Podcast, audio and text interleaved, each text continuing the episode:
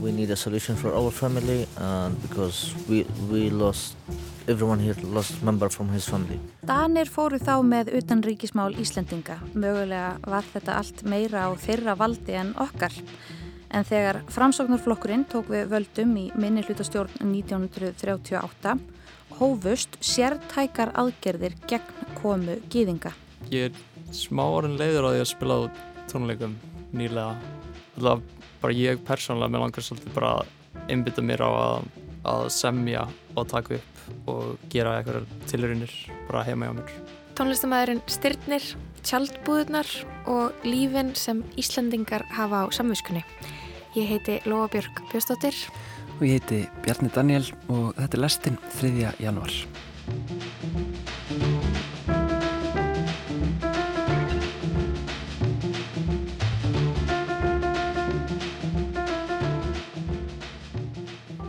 Já, við höldum áfram að kynast mótmælendum frá Palestínu sem dvelja um þessa myndir í tjaldbúðum beintamóti Alþengisúsinu við Austruvöll í svokallum kyrsetumótmælum og krefist þess að fjölskyldumælum þeirra sem enn eru á Gaza verði veikt hæli á Íslandi á grundvöldi fjölskyldusaminningar. Og í kjálfarið þá heyrum við fyrst að þátt örserju önnu Marsebillar Klásen á samviskunni sem var fluttina fyrst í lestinni í upphafi ársins 2022 og serían fjallar um þann fjölda fólks sem var á flóta frá Þýskalandi í aðdraganda setni heimstyrjaldrarnar sem reyndi að sækja um hæli á Íslandi en fekk yðurlega neitun. Og já, en við ætlum að byrja á tónlist í dag, Lóa, ekki satt? Jú, tilraunakendu og leikglöðu rocki eða ert samanlega þeirri skilningu? Mm, já, já, jú, kannski, kannski það er kannski einhver einföldun. Það, það er margt í gangi í tónlistinni hjá, hjá styrni kertansinni Já, það er kannski ekki að kalla þetta bara eitthvað eitt. Um, Styrnir Kertansson, hann hefur verið virkur í íslensku indie-seninni undanfærin ár, hann er meðlumur nokkur á hljómsveita meðal annars Trailer Todd sem hann stopnaði og hann kom með mitt með þeim í lestina í hitti fyrra til þess að tala um starfræðarokk, víser og þá nýjútkomna plötu sveitarinnar Trukk Opus. En svo gefur styrnir út tónlistundir eiginnafni aðal á Bandcamp en nýjasta platan Apple Pie and the Razor hún er á Spotify. Og ég er líka nokkuð vissum að restin sé á leðinni þonga líka mögulega mixu upp á nýtt. Allavega hér er styrnir Kjartansson Af því ég held ég vilja ekki vera með headphones. Þetta er skritið Sorry. Ok. Allt í góðu. Um, Þannig að Hvenar byrjaður eiginlega að gera tónlist og gefa út tónlist? Um, ég held ég að við fyrst gefið út tónlist þegar ég var í tíundabæk Ég man ekki hvað ég var gammal þá Bara tíundabækingur Tíundabækingur, já Og hvað þá á SoundCloud? Eða? Já, það var bara á SoundCloud um, Ég gaf út svona litla fimm laga stuttskífi sem var bara eitthvað um, eitthvað dót sem ég samti yfir svona eina viku eða eitthvað mm. Er þetta hlusta er þetta ennþá. Þetta er ennþá á SoundCloud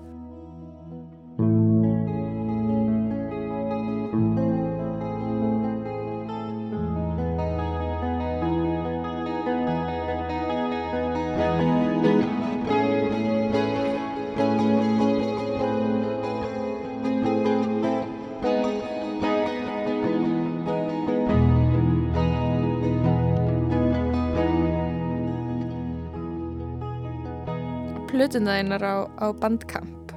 Þú komst inn í lestina með uh, flestum öllum úr trailer tott hljómsveitinni og varst eitthvað aðeins að segja frá þessari framleiðslu sem var í gangi inn á bandkampjöður. Þá voru komður út tvær plötur, þá var planið að ekki út fjóru plötur ári. Tengdist eitthvað upp á hljómsveitinni vísar? Já Uh, sagt, ég var með markmið árið 2022 að gefa út fjórar plötur á einu ári. Og ég fekk hugmyndarna frá Weezer sem voru ymmit að gera það líka. Þau voru að gefa út fjórar sjölaga plötur og ég ætlaði að gefa út fjórar sjölaga plötur líka. Um, en það endiði bara með að koma út þrjár. Um, Það tókst næstu því Já, það tókst næstu, þetta var bara ég var alltaf latur. Og líka bara ég, fjórða platan einhvern veginn tók bara miklu lengri tíma en allar hinnar þú veist, sumar af hinnum plötunum tóku bara svona tvo mánuði að klára. En ég held að fjórða platan hafi tekið kannski svona átta mánuði. Og hún kom út núna í haust Já. á, á, á bandkamp og þarna fekk alveg ágæðar viðtökur og það ekki, þessi nýjasta. Jú, jú, ég held það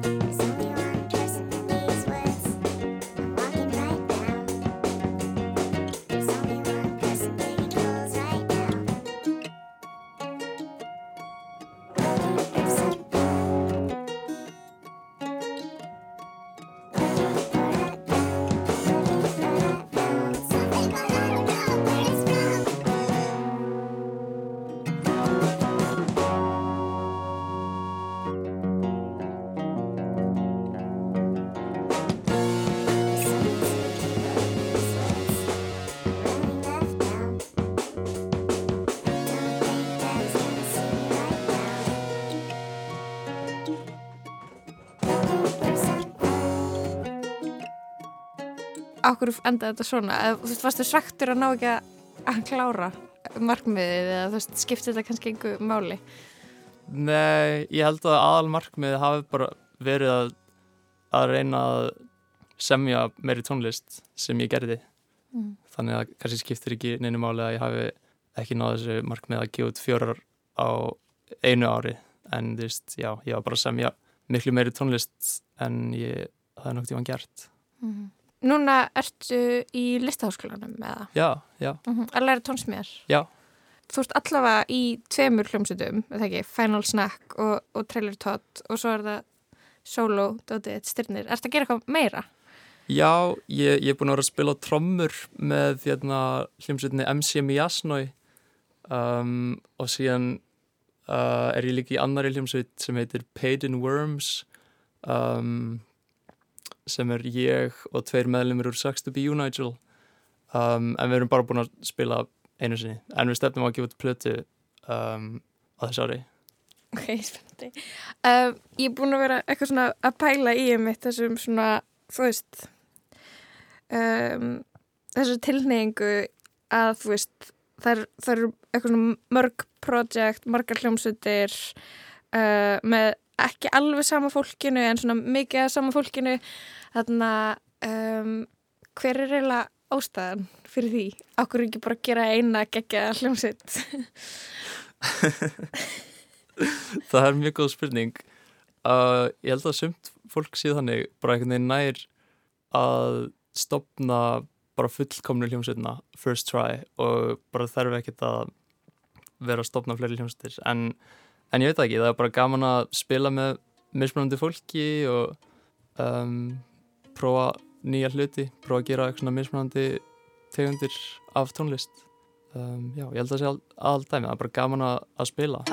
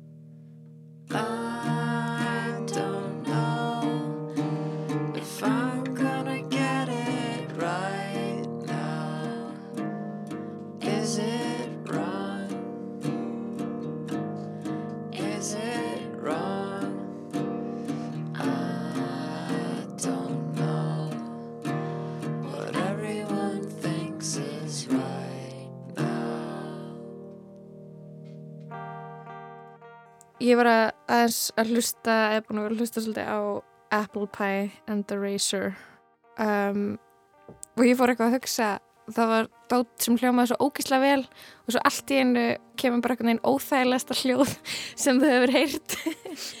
Og, og mér leiði svo mikið eins og að eitthvað svona minna mig á að fylgjast með að, að þú væri svona ekki, ekki gleyma þér þú veist, þú væri einhvern veginn svona að já, passa að ég væri ekki bara eitthvað að gleyma mér og, og væpa við eitthvað tónlist heldur uh, væri ég að hlusta á eitthvað eitthvað, eitthvað sem væri aðeins flóknara eitthvað, eitthvað listaverk já, ég veit ekki, eða hvernig þarna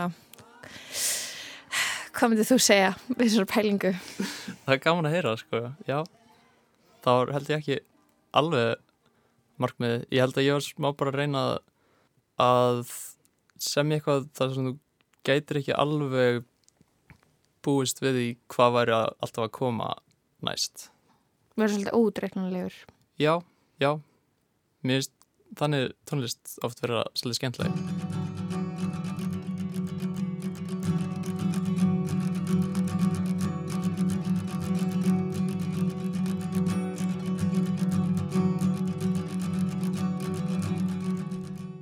þú ert búin að vera í þessum hljómsveitum og gera fullt bara mjög virkur og mér stakkan að fólk er að tala um einhverja indísin á Íslandi þá ert þú nefndur á nafn, skiluru um, og nú ertu farin í tónlistanám þú veist hvað ert að læra?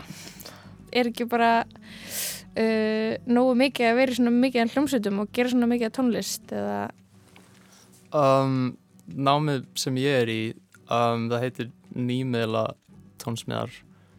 Um, þannig ég er bara að læra eitthvað sem ég hef aldrei um, lært áður eða bara hýrt um áður. Þetta er bara allt öðruvísi en bara allt sem ég nokkuð tíman gert. Um, það er svolítið mikið unnið með veist, tölfur og, og mikil áherslu að lögða á raftónlist og svona um, óheðbundnar leiðir til að horfa á tónlist og, og semja tónlist um, og það er ótrúlega áhugavert og skemmtilegt og hefur áhrif bara á allt sem ég geri.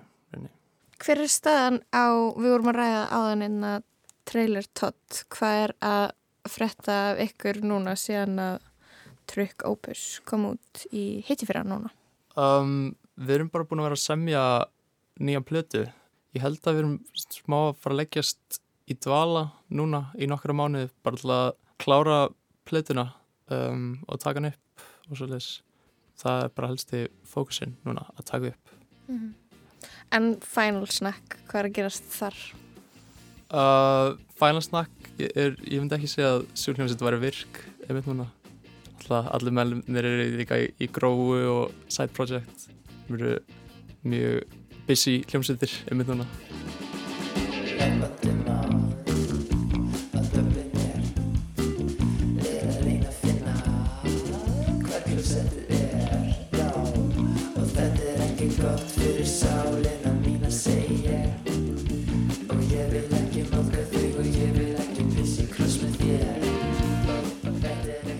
Svona í upphafi árs, uh, það er nýtt ár að byrja og ég er svona spá, þú veist, um, hvernig serðu þetta ár fyrir þér? Uh, sko í rauninni í samhengi við kannski bara einhvern veginn sko tónleikastaði og bara tónleikahald um, er þetta spennandi ár um, er eitthvað spennandi framundan eða já, hvernig er svona sínið þín um, Ég er svona smá búin að vera að hugsa nýlega með lang, ég er smá orðin leiður á því að spila á tónleikum nýlega. Um, alltaf bara ég persónulega með langar svolítið bara einbytta mér á að, að semja og taka upp og gera eitthvað um, tilrunir bara heima hjá mér. Um, uh, og það er hluta til út af skortinum á tónleikastöðum og hvað það er bara ógeðslega erfitt að halda tónleika í Reykjavík einmitt núna Er þetta uh, eitthvað svona sem fleiri í kringu þig eru að segja þetta sé kannski ekki já, sé bara svolítið erfitt að halda tónleika eins og staðan er núna Já, það er al- algjörlega, algjörlega. Ég meina staðan hefur hefur sjaldan verið verri, held ég, í Reykjavík. Um, en ég held að þetta sé, þetta er líka bara smá ég, persónulega. Ég er bara svona nýlega ekki alveg fengið jafn mikið út úr því að spila tónleikum og ég hef vanlega fengið. Um, mér er bara miklu skemmtilega að vera eitthvað í stúdíónu núna að, að leika mér. Mm. Hvað ertu að gera núna? Hvað ertu að leika þér? Mm, eða nei, hva, hverju ertu að leika þér að núna, kannski? Uh, ég er aðalega búin að vera svona um, að skoða einhverjar svona skemmtilegar upptöku aðferðir fyrir rockljómsveit því að um, ég er einmitt að fara að taka upp tvær plöti núna á næstunni með Trailer Tot og Peyton Worms. Þannig já, mér finnst alltaf gaman að, að taka upp tónlist á svona svolítið óheðbundin hátt þannig ég er bara svona búin að vera að leika mér með eitthvað svona skrítnar upptöku aðferðir og eitthvað svona sérstaklega fyrir rock hljómsveit Styrði, takk fyrir komuna í lestina. Takk. Gaman að spilla við þig.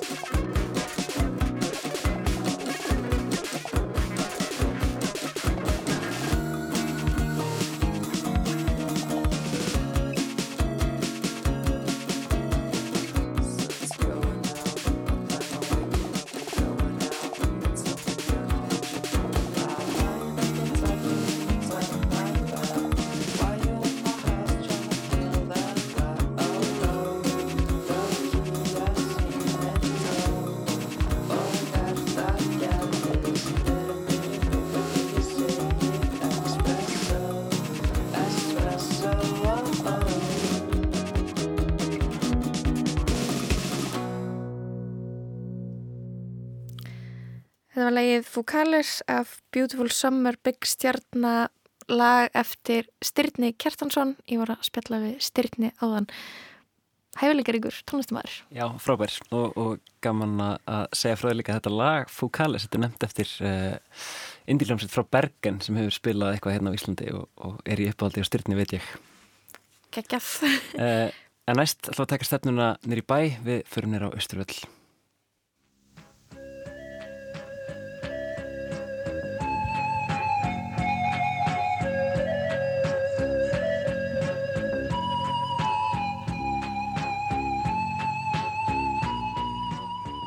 eins og við heyrðum af í þættinum í gær og eins og hefur verið nokkuð í fréttum síðastleina viku eða svo þá reysu á Östurvelli litlar tjaldbúðir milli jóla og nýjárs og þar hefur hópur palestinumanna og stuðningsmanna þeirra haldið til í svokullum kyrsetu mótmælum beintamóti alþengishúsinu. Markmið mótmælanna er að flýtt verði fyrir saminningu fjölskyldna en eh, talið er að það sé um 150 manns sem eiga einhverja fjölskyldumæli á Íslandi en eru enn á Gaza. Ég kíkti í heimsókn í eitt tjaldana þarna á Östurvelli í gær og fekk þar að kynast nokkrum af mótmælundunum yfir kaffipotla. Í gær heyrðum við sögu Najis Azar en í dag er það einn 28 ára gamli Ahmed Shatat sem segir okkur frá.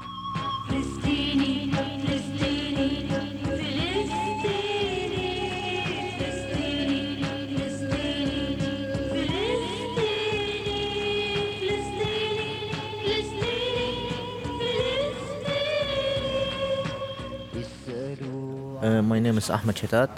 Uh, I'm 28 years old. Uh, I'm working as a construction. I'm here in Iceland three and two months.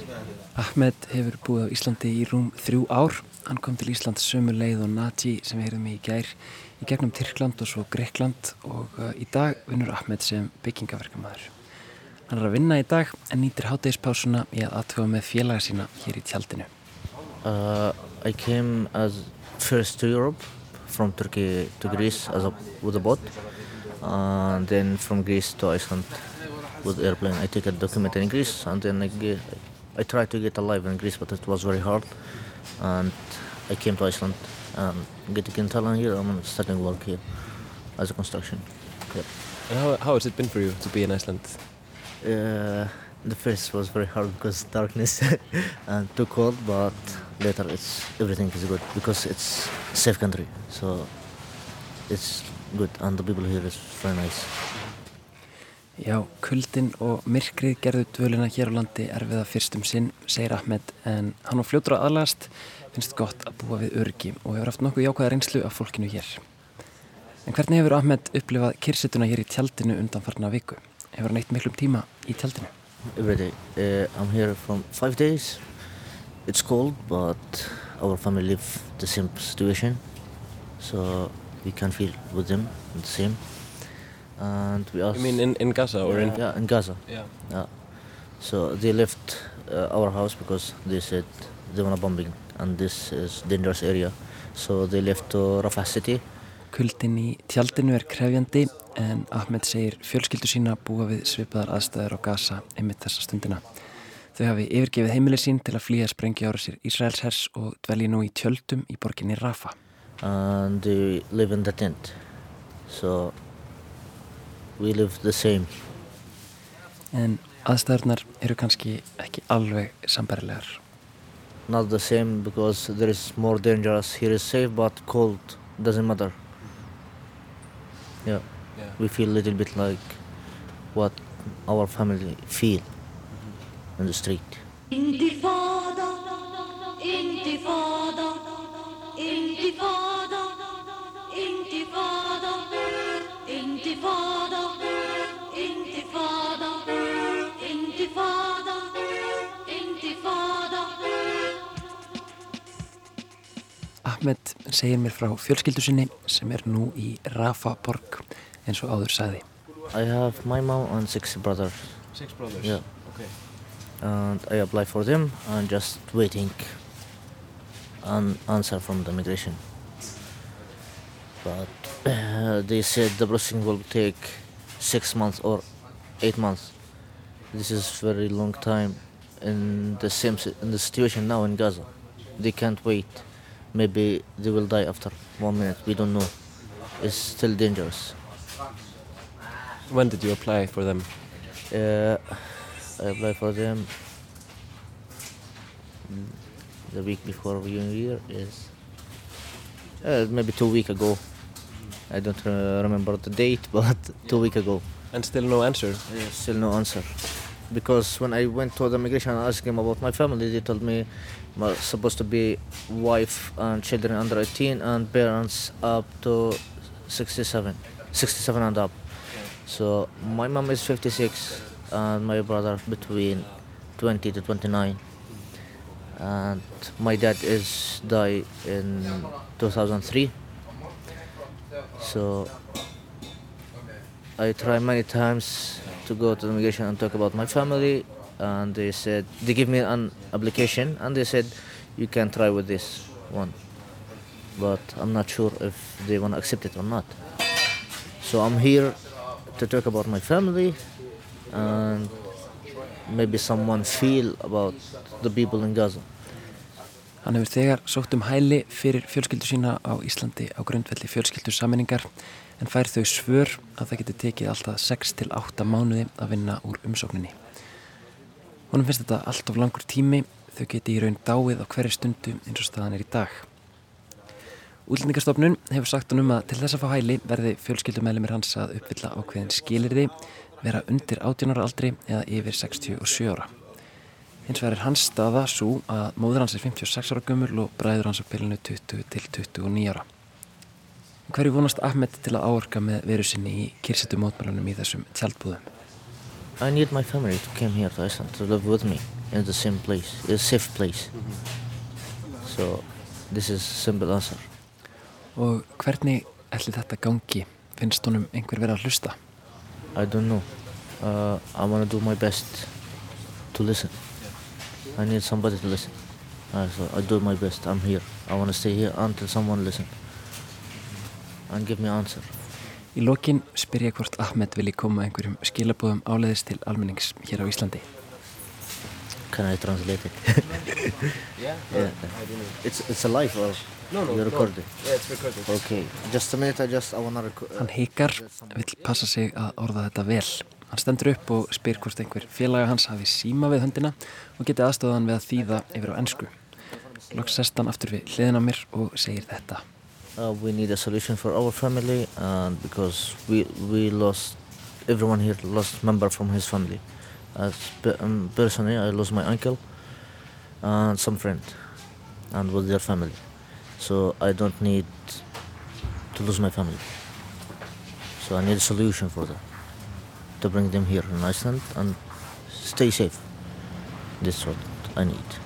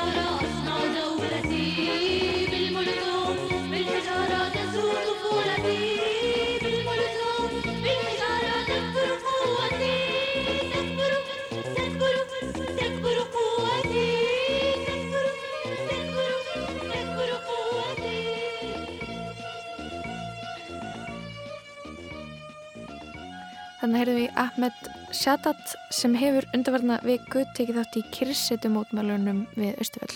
Já og í einstæðinu heyrist tvö lög af uh, plötu sem er svolítið merkileg sem ég er búin að hlusta svolítið á í dag. Plötunni The Intifada 1987 þetta er uh, plata eftir palestinska tónlistamannin Riyad Awad uh, flutt á honum og þremur systrum hans Hanan Aliu og Nariman. Um, Já, hún er þessi tekin upp þessi plata um það byrju viku eftir að Intifada uppreysnin hófst í Palestínu í desember 19- 1987 tekin upp í stofunni heima hjá þessum Ríad sem bjó í Jérúsalem held ég á þessum tíma.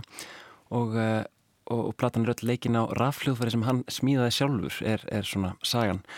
Um, já, þetta er merkilegt. svona, já, svona ráir og heimagerir baráttu söngvar uh, svolítið gott. Og þetta er, uh, já, sem sagt endurútgefið síðan uh, árið 2021 á stárnu formi af uh, The Majas Project sem gerur út úr London.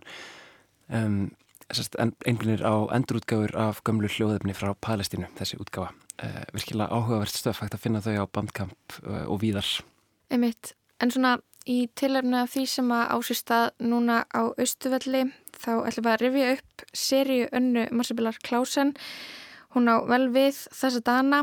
Hún fjallar um fólkið sem reyndi að sækja um hæli á Íslandi í aðdraðanda setni heimstyröldrannar og heitir á samviskunni. Fyrsti þáttur byrjar í miðjum lestarþætti. Anna Marsi og Kristján taka við. Það var að snú okkur að allt öðru, Anna Massi, þú ert búin að vera að sökka þér ofan í eitt tiltekið efni núna undarfarið. Já, mikið rétt. Ef við byrjum bara hérna frá, á rítdeilu frá árinu 1994 sem að forlegafræðingurinn Vilhjálmur Örn Vilhjálmsson átti í morgumblæðinu við mann sem hjælti fram að mun færri gýðingar hefði verið myrtir í setni heimstyrjöldinni en ofinberar tölur sögðu til um.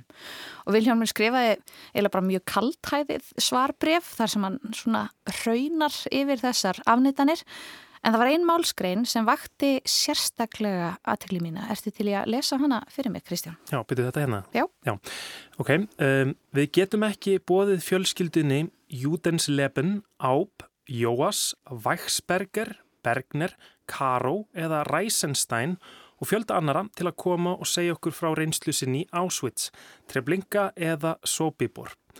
Þessar fjölskyldur á samt mörgum öðrum reyndu að komast til Íslands en fengu ekki inni. Býtuðu nú við, um, er þetta satt? Sko, ég veit ekki hvort þetta eru raunveruleg nöfn fólks sem reyndi að komast til Íslands. Ég held að Vilhjálmur hafi mögulega bara verið að reyna að undirstrykka skilabóðin, en jú, það voru nokkur hundru gýðingar og pólitískir flótamenn sem sóttu um landvistarleifa á Íslandi við upphafseitni heimstöldarinnar, en við höfnum nánast öllum. Og af einhverjum ástæðum, með að við hvað við tölum almennt mikið um hernáms árin og ástandið og svoleiðis, þá tölum við ofbóðslega lítið um þetta. Hérna, til ég að lesa áfram hérna aðeins setna í greinni. Já, ok. Um, er það ekki siðferðileg brenglun að sætta sig við morð, eitt eða fleiri og tala um þau sem andlát? Höfum við Íslendingar mannslíf á samviskunni?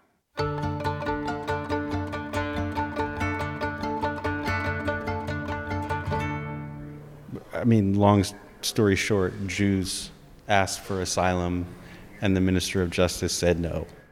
Þetta er listamæðurinn Erik de Luca. Ég tók stutt viðtal við hann í Kling og Bang í september þar sem hann var í óðaönn að setja upp innsetninguna Homeland. Verkið byggði Erik á yfir 2000 skjölum frá árunum 1935 til 1941 úr Dóms- og kirkjumálaráðunitinu sem sína meðferð innflytjendamála í aðdraganda og upphafi setni heimstyraldarinnar. Til að gera langasögu stutta, sagði Erik, þá sóttu gyðingar um hæli og dómsmálar á þeirra sagði nei. And you can read these letters, and you can see in the upper right hand corner, no, with his handwriting. Svar Íslenska ríkisins hefur verið krótað efst í hægra horn umsóknana. Yfirleitt nei. Yfirleitt með bláum eða rauðum penna, yfirleitt með upphafstöfunum HJ við hliðin á. Herman Jónasson, forsætis, dóms og kirkjumála ráþeira. Erik fekk aðgang að og myndaði skjölin á þjóðskjálasafninu. Svo þýttan þau með hjálp tónlistarmannsins Július Pollocks Róðlandir og setti upp í stafrænan gagnagrunn. Hann segir að stundum hafi þeir þurft að hætta, taka pásu. Það hafi verið of sársökafullt að halda áfram. It's just like there, there were moments in the translation of these documents where you, like, you had to stop because it was too painful to keep on going.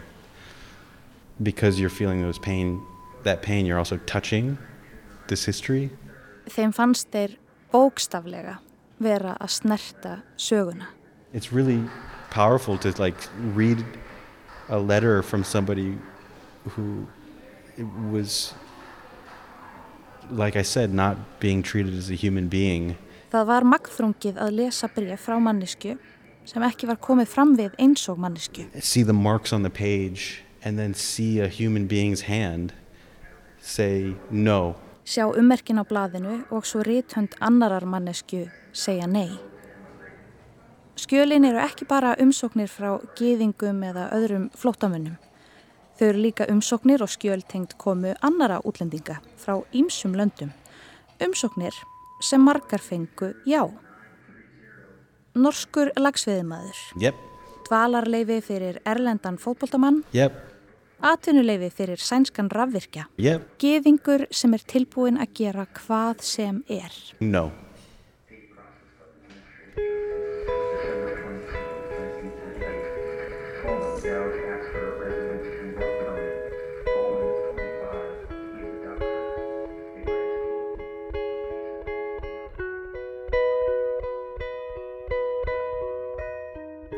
Svo áhugavert að sjá þetta og veist, þessi gulnaði pappir. Mm. Það var líka bæði horfa myndina sem er mynda af pappirnum en líka þá að fara með Erik saman á safninu og sjá bara pappirinn sem fólk var að skrifa á á þessum tíma. Mér fannst eitthvað já, við bara verið að muna álægur þessum manneskum og þeirra sögum og örlögum. Þetta er Július sem aðstöðaði Erik við gagnasöfnunina. Hann gaf mér aðgangað gagnagrunninum, myndum af hverri einustu blaðsíðu sem þeir Erik fundu á þjóskjálasafninu og ítarlegu Excel-skjali. Það inni heldur meðal annars fjölda umsókna um landvistar og atunuleifi, um hæli í einhverjum skilningi, nöfn umsækjanda, hvort viðkomandi voru gýðingar eða ekki og hver örlög þeirra urðu. Július er um margt hinn fullkomni aðstöðarmæður í þessu verkefni. Skjölin voru flest á þýsku, íslensku, ensku eða einhverju norðurlandamáluna og Július skilur þau öll. Hann fluttist til Íslands fyrir sex árum síðan og er mikill tungumála maður.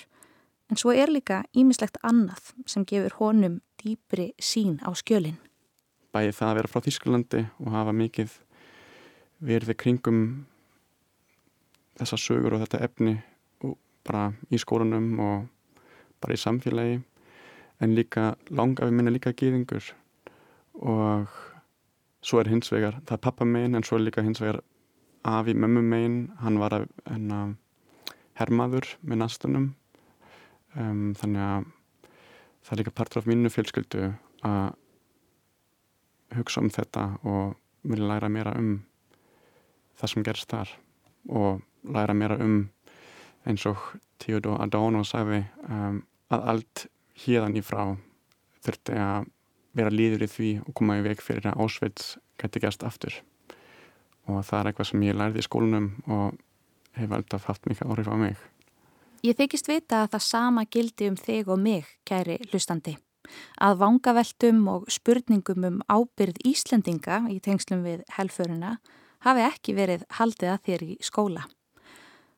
Framkoma íslenska ríkisins kakvart flótafólki í setni heimstyröldinni er samt ekkert leindarmál. Sakfræðingarnir Þóru Whitehead og Snorri G. Bergson hafa til dæmis báðir gefið út bækur um efnið og einstaka sögur þeirra sem náðu að koma hafa hljómað í fjölmiðlum.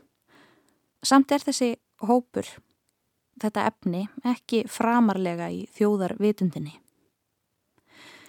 Í bókinni Erlendur landshorna líður eftir Snorra G. Bergson kemur fram að jafnvel áður en Adolf Hitler komst til valda í Þýskalandi hafi íslensk-dönsk stjórnvöld virst fylgja sérstakri stefnu gagvart geðingum.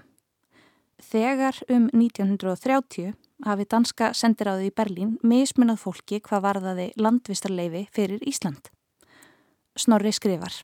Þýskir arijar fengunar sjálfkrafa dvalarleifi á Íslandi ef um þau var beðið, en gýðingar, eða menn með gýðinglegin nöfn, fengu sérstakt hringlaga merki párað á umsókn sína.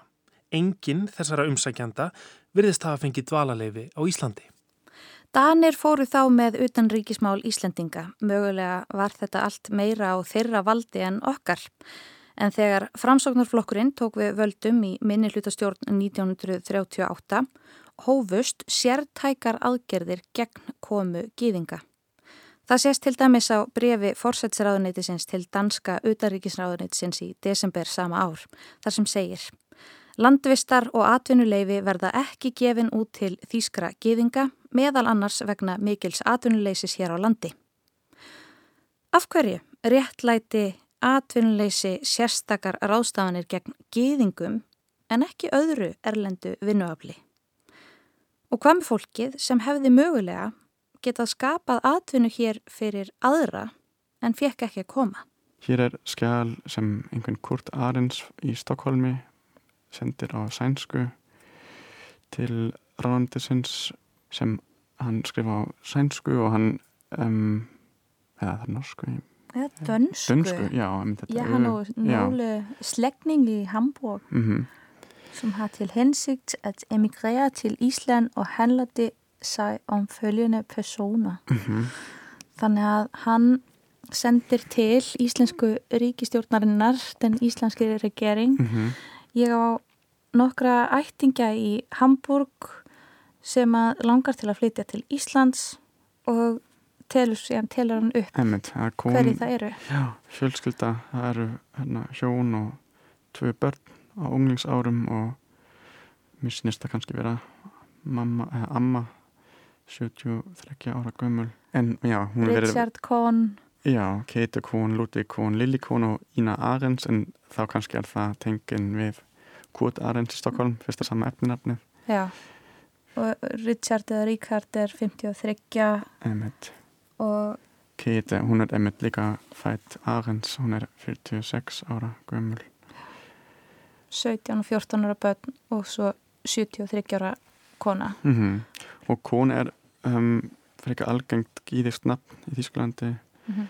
um, en það kemur ekki fram í brefinu sem þessi Richard Arends uh, Kurt Arends sendir við fundum það í mörgum brefum að það var ekki sagt beinlinis af hverju er að flytja til Íslands eða hver þeirra staðan er en svo er það hægt að finna það bara, já, rannsaka nöfnin og þeirra afdrif um, og það er oft hægt að það er oft hægt að sjá á eftirnöfnunum og afdröfunum hvort viðkomandi hafi verið gýðingar Við vorum mikið að leita í ég leita hennar gagnagrunum sem heitir mappingthelives.org það er helt þýst verkefni sem er að einmitt, sapna skjölum og afdrif gýðingar í helfurinni og líka hann að Yad Vashem í Jérúsalem það er líka gagnagrunur sem er með mikið af nöfnum og er hægt að finna einmitt út alltaf nafn og oft líka fæðingadagur og um, það sem þeir byggu og það er einmitt hægt að tengja saman það sem við fylgum í brefunum og hvað gerist með þeim setna.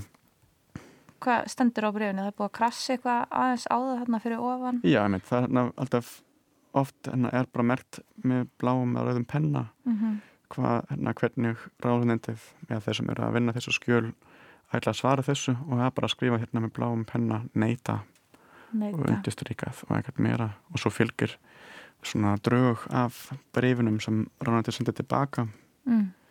það var bara svona handskrifað oft er þetta að skilja eða fyrir mig er þetta að lesa hvað er skrifað en svo með smá æfingu tókst það Mhm.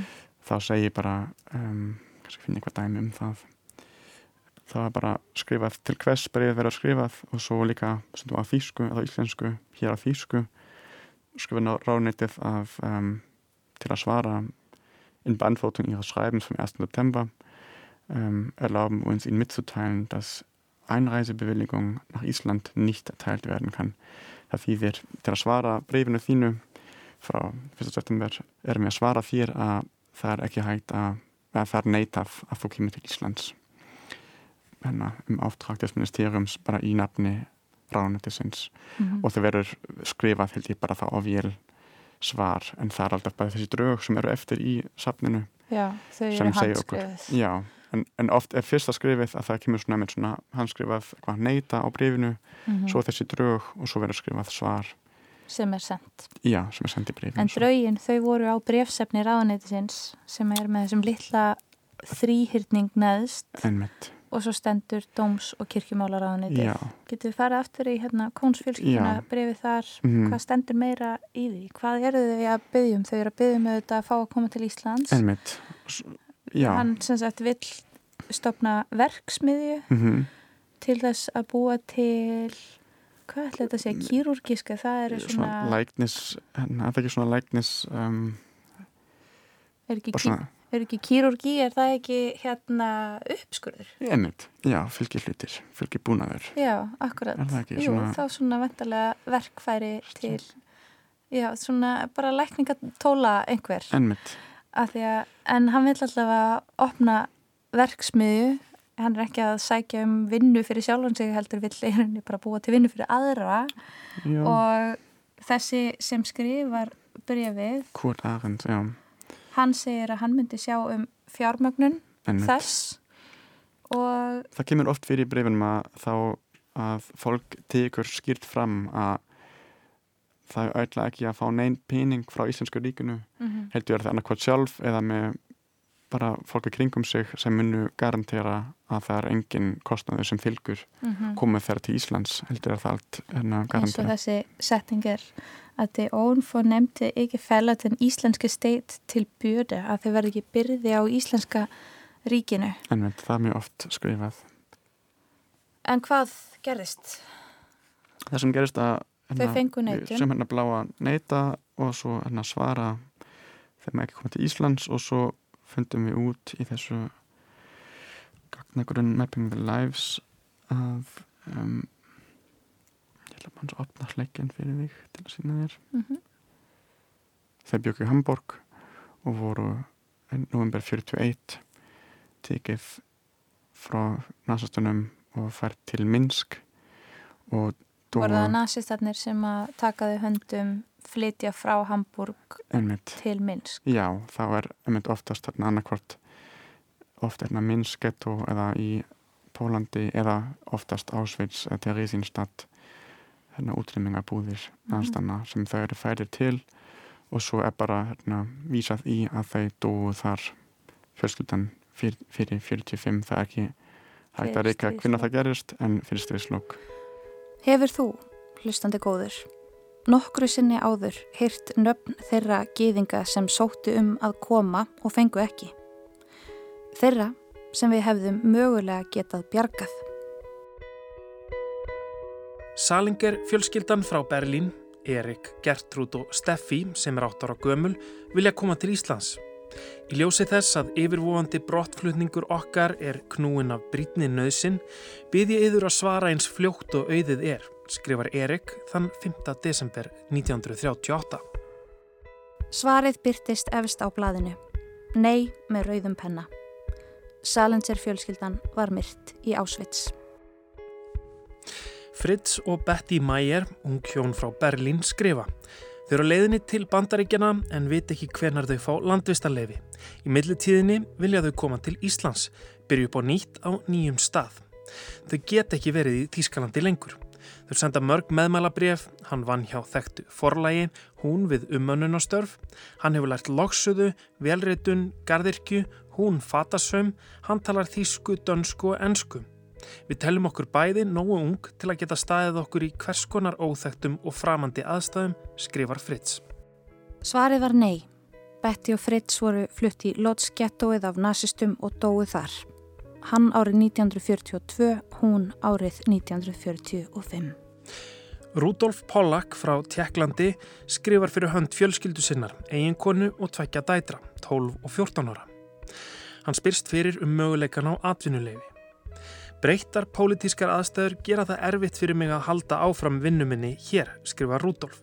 Hann segist tilbúin að lifa hamingjusömu en einföldu og hófsömu lífi eins og hann hefur lesið um í íslenskum bókmyndum. Blár penni. Nei.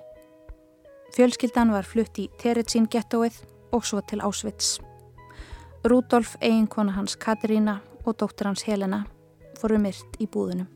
Telmar og Póla Toller frá Berlín senda stutt handskrifað bref með beðinu um landvistar og atvinnuleifi.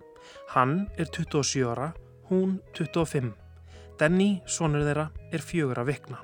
Telmar, Pála og Denny voru öll myrt í Ásvits.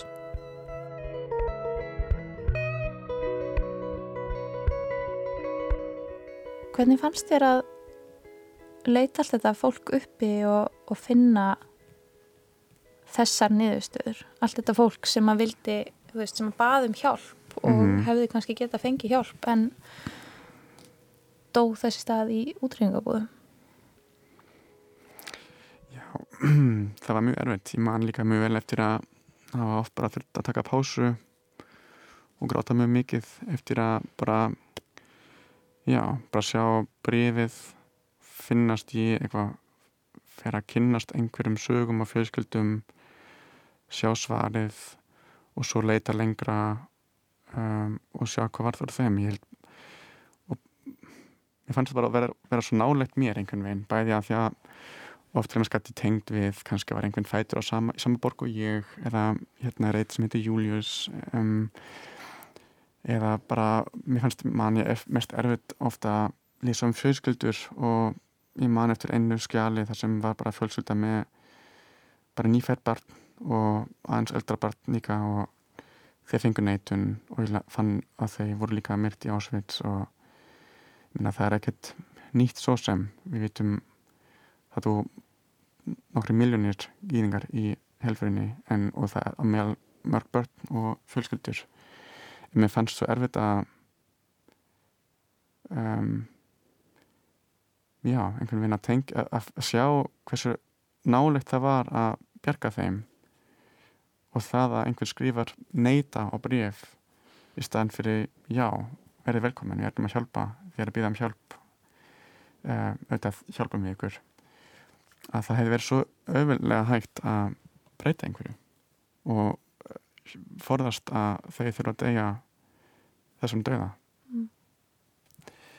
Eric var að hennar, í tekstunum sem fylgdi verkinu hans var hann að skrifa um hann, því að hann var hérna í bænum um daginn til að setja upp sýninguna var hann að gista hjá mér og hann opnaði bók sem ég hef búin að lesa eftir Audre Lorde. Og hann opnaði bókina á einhverjum mjög einhverjum stað og fann setninguna sem segir, sem heitir um, By ignoring the past we are encouraged to repeat its mistakes Ef við hunsum fortíðina að þá endur þöku við mistök hennar. við erum hvað til að endur taka mistökun hennar, já, einmitt Mm. uh, og mér finnst það gildir í svo mörgu að það að ekki horfa á þessa fortíð þá kemur ekki óvart að auðvitað erum við þá í dag svipaðan hátt að endur taka já, sama mynstrið einhvern veginn. Þegar fólk býður um hjálp þá segjum við bara nei að þegar við, okkur finnst við erum eitthvað langt í burtu og það tengist okkur nú ekki neitt og það eru aðri með ábyrð á þessu. En svo heldur þetta að spyrja sig ég meina ef þú ert út á gutu og einhvern er að kalla á þig hei, getur þú hjálpað mér? Ég held að myndum við örgulega vondi fle- flest öll að segja já, auðvitað og hjálpa. En af hverju tengst, eh, tekst okkur þá sem samfélag að í svona stæra samhengi einhvern íti það frá okkur og segja já, við getum ekki hjálpað öllum eða bara breyta það einhver tölur á blaði í staðan fyrir að eins og í þessum breyfum, það er öfnilega hægt að þú hór bara á eitthvað breyf og sérð nöfn þeirra og orð þeirra og þeir segja frá þeirra aðstæðum um, af hverju er það ekki hægt að hlusta á þau og reyna að já, mæta þeim sem manneskir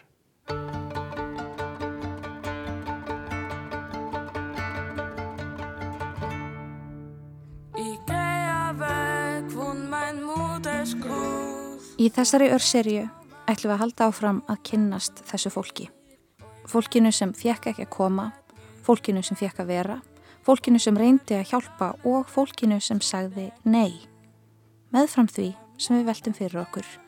Hver bar ábyrðina þá og hver ber ábyrðina nú? Þetta var fyrsti þáttur af fimm í örseríunni á samviskunni þættir sem að heyrðust hérna í lestinni í upphafi árs 2022 við ætlum að halda áfram að flytja þessa þætti næstu daga hérna í lestinni. Einmitt og, og samlega þeim endurflutningi ætlum við líka að halda áfram að kynnast mótmælendum í eh, tjaldbúðunum sem standa nú við Östurvöll. Um, eitthvað viðeigandi finnst mér að skoða þetta tvent svona hlifið hlið. Miklar hliðstæður. Um, við erum komin að leðalögum í lestinni í dag við Lóa og Bjarni Daniel þökkum samvildina. Þá er hún Lítja Gretastóttir sem var tæknumæður í dag. Verðið sæl.